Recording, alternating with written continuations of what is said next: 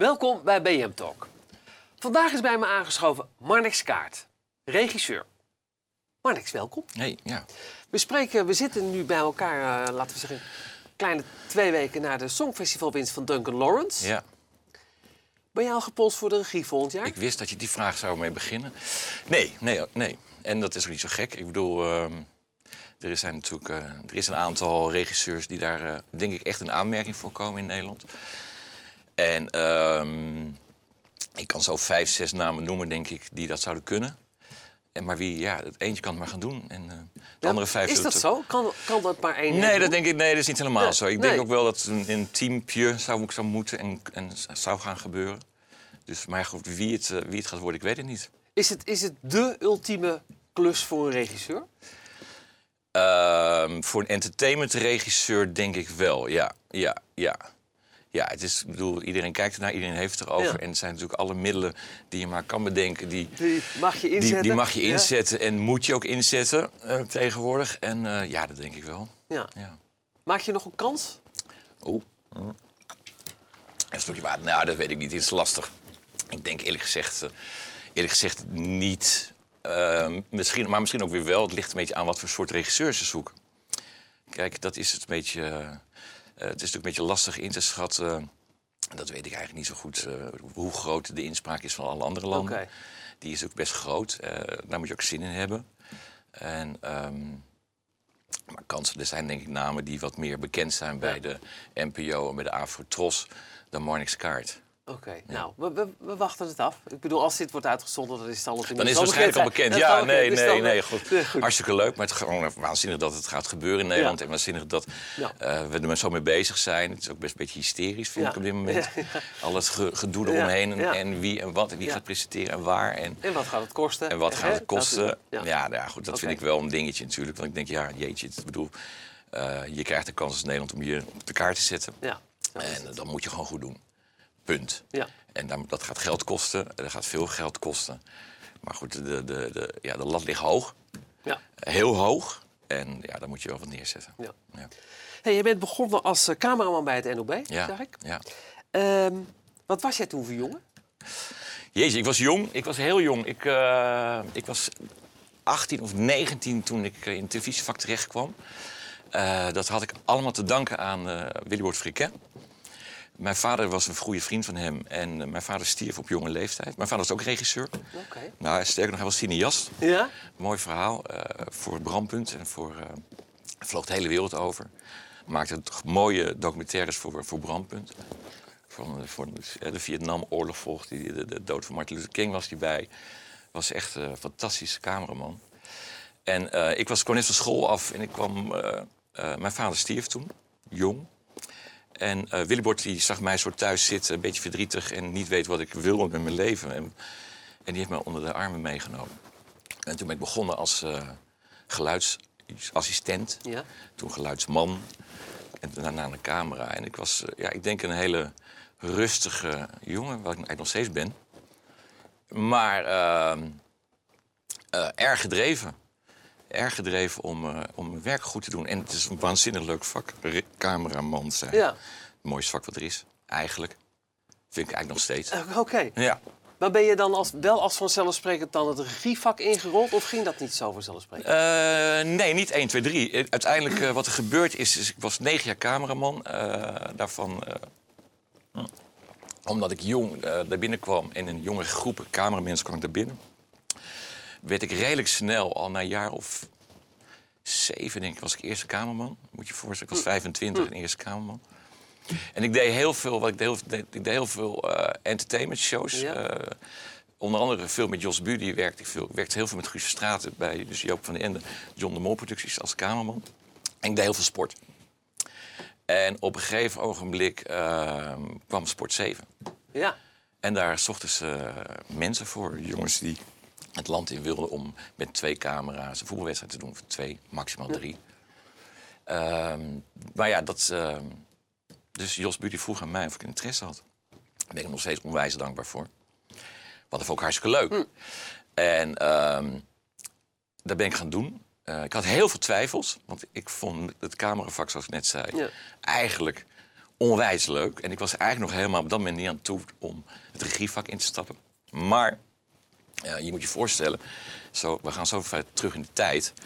Deze jonge uh, cameragroep was eigenlijk de, de, de tweede lichting cameramensen na het NTS-tijd. Dus wij hadden te maken met kamermensen toen die al heel lang aan het werk waren. Ja. Maar daar zag ik ook wel een beetje verzuring en een beetje... Ja, dat, een beetje, de, de lol was eraf. Ja. En, en dat zag ik op dat moment. Toen dacht ik, ja jeetje, ik vind mijn vak nu zo leuk.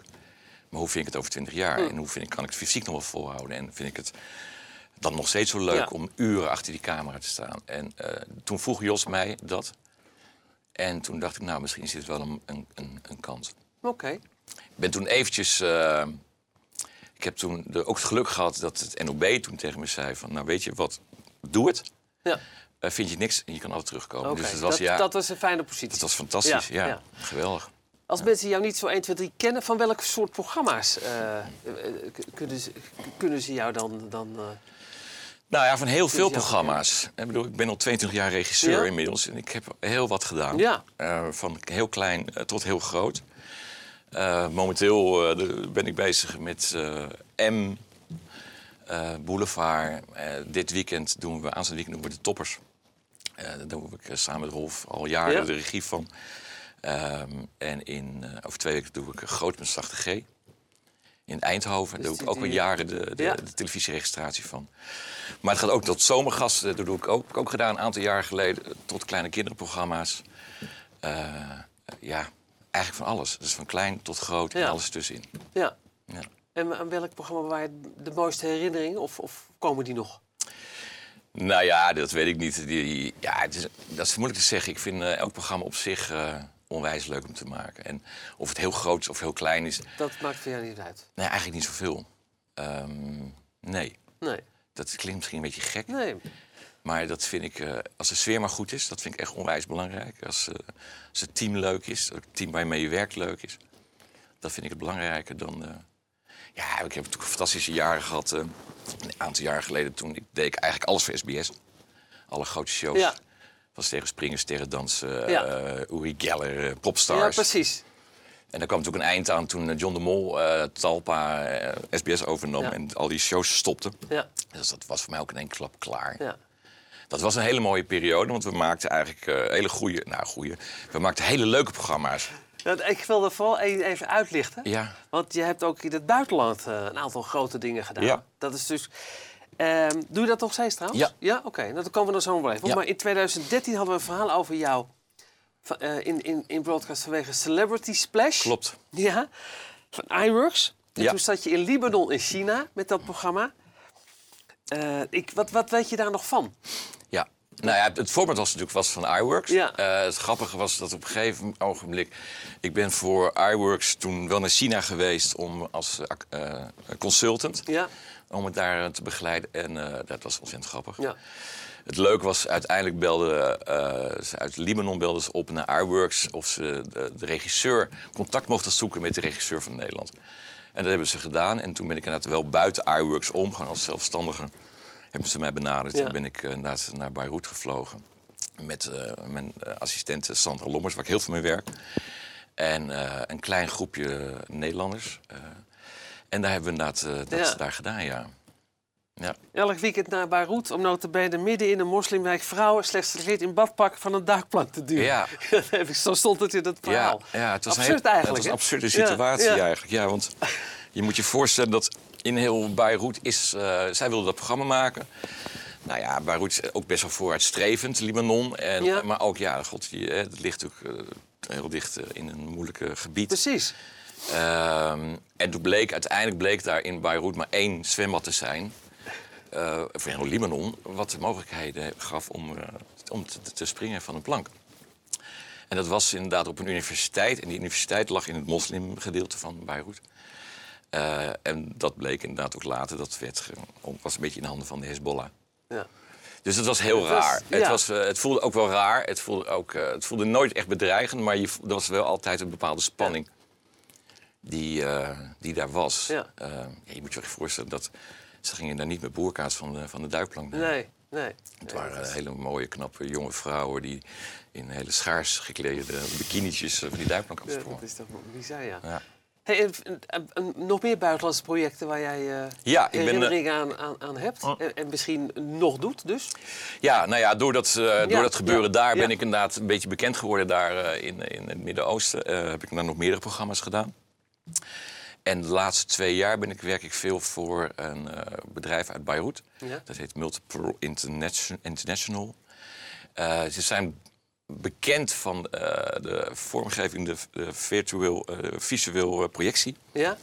Ze doen ook altijd Olympische Spelen, de openingen. Je moet je voorstellen dat het, in Sochi, in Sochi het, het, stadion wat opeens verandert in een ijsschots en dat breekt, ijs breekt over. Het is echt videoprojectie. Zijn ze erg groot in. Ze hebben dependance in New York eh, en in Australië. Daar zitten eigenlijk degenen die het maken. En die maken heel veel nou goed, videoprojecties, eh, even, events maken ze. En dat, die moeten soms geregistreerd worden. Dus, dan komen ze en bij dan- En dan komen ze bij mij aan ja, Ja. om het uiteindelijk in beeld te brengen. Ja. Waanzinnig. Dat is leuk. Superleuk. Ja. Ja. Ja. superleuk. Ehm, Nederland loopt nog steeds behoorlijk voorop als het gaat om eh, tv-formats. Dus Ja. We hebben nog steeds tot de top drie behoren we nog steeds. Heb dat zo? begrepen? Ja, dat is, Oh. dat is nog wel steeds zo. Zijn we ook productioneel slash technisch voorloper? Juist, ja. Ja? Juist. Ja. Ja, dat is echt iets wat ik ook een reden waarom hè, je vroeg of ik hier wilde komen zitten en of te praten ja, over het vak. En toen had ik zoiets van, had ja, je nee, dat wil je eigenlijk niet. hè? Eigenlijk zeg ik van ja, dat wil Nee. ik eigenlijk Nee. niet. En we hebben- er is genoeg verteld over regisseurs. En, eh, en, maar ik vind inderdaad, en dat is zeker omdat wat ik Ja. doe, merk in het buitenland, waar ik dus best veel zit. Ja. Juist de kracht van Nederland is de, de, de technische kant. En de, de inzet van de mensen en de snelheid van hoe snel wij technisch kunnen produceren. Dat is echt ongelooflijk. En elke keer denk je van, nou, het, het, is nu wel, eh, het is nu wel bereikt. En nu gaat het toch nog weer steeds sneller en Ja. sneller. En ze zijn technisch snel, goed, vaardig. eh, en daardoor Hoe kunnen... komt dat? Dat wij dat, dat wij dat zo goed kunnen? Nou ja, worden ook wel een beetje, eh, doordat wij met re- redelijk lage budgetten werken, moeten we ook wel hè, in Nederland zijn we ook een beetje gedwongen om daar zo weinig, eh, om dat Ja. zo snel te kunnen produceren. Ja. En dat is gewoon een kwestie van training. Dat is net zoals een schaatser. Elke keer denk je ook eh, bij schaatsen, die rondetijden kunnen niet versneld worden. En het jaar erop wordt het wereldrecord weer verbroken. Ja. En dat gebeurt bij televisie maken nu ook. Ehm, en denk je van, nou, dit is echt een max. Sneller kunnen we niet produceren. Ik bedoel, het, wat nu echt gebeurt is, ja, we komen s morgens binnen en s'avonds gaan we live, gaan we live eh, een Ja. live grote entertainmentshow eh op zender zetten. Nou, dat was een paar jaar geleden. Toen ik begon, daar hadden we sowieso twee hele dagen voor. Precies. En de avonden. Ja. In het buitenland heb ik daar drie, vier dagen voor. Ehm, Maar- En hier is het steeds korter en korter. Ja. Wat ben jij voor type regisseur eigenlijk? Ja, eh, ik denk elke regisseur is anders. Ja. En ehm, heeft zijn eigen werkwijze. Ik ben denk ik aan de ene kant heel rustig. Eh, ik stel me niet heel snel op de voorgrond. Eh, je zult- me ook niet vaak op de vloer zien of horen met een microfoon. Dat doe ik wel aan het begin van, van, Ja. van productie, maar verder.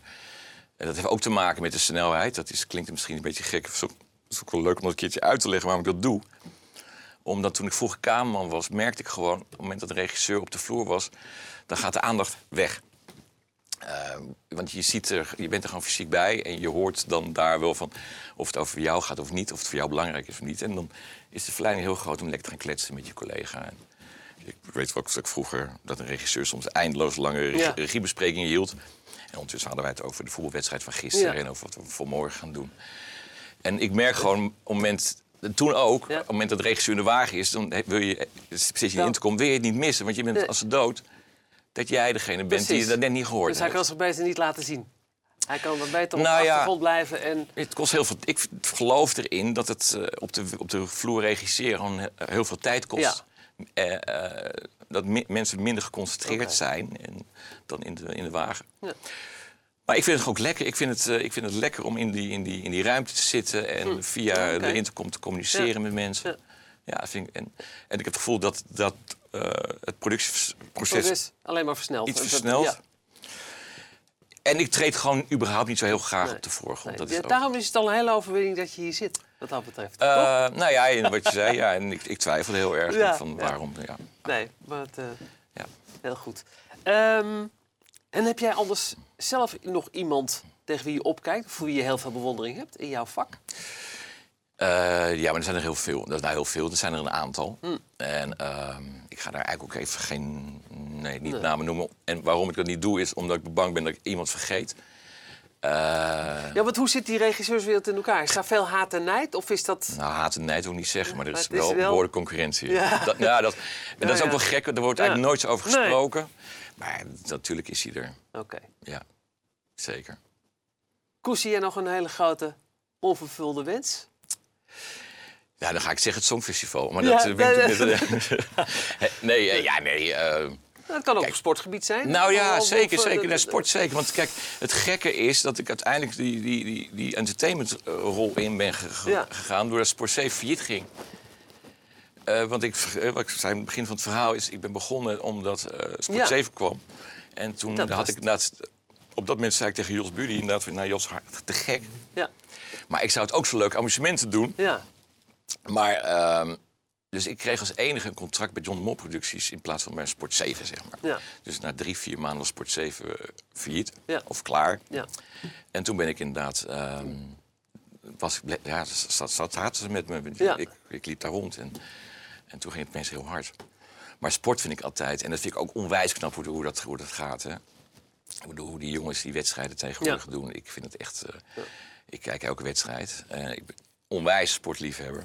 Eh, ja, dat lijkt me geweldig. Ik, ik ben wel eens, natuurlijk wel eens bezig. Ik lobby eigenlijk nooit. Ik heb wel eens ge- getracht om te kijken van... jongens, kan ik niet zoals op een zaterdag een keertje mee? Of Ja, een keertje toch- kijken? Ja, ja, want dat vind ik echt leuk. Oké. Nou, wie weet maar Nou ja, dat, dat dit is- nog helpt. Nee, dat weet ik niet. Weet je, op een gegeven moment zijn die, die, die plekken... Dus net zoals bij ons... In onze wereld kom je ook moeilijk tussen. Ja. Eh, ik, en sport is ook een afgeschermd gebied. Dus, eh, ja, nou, je weet het niet. Wie weet, Je ja, wie het, weet. je Leuk, ja. Mhm. In ieder geval. Nou, succes in ieder geval. En dank dat je mijn gast was. Oké. Tot zover BM Talk. Mijn volgende gast is voor u een vraag en voor mij nog veel meer. Tot de volgende keer.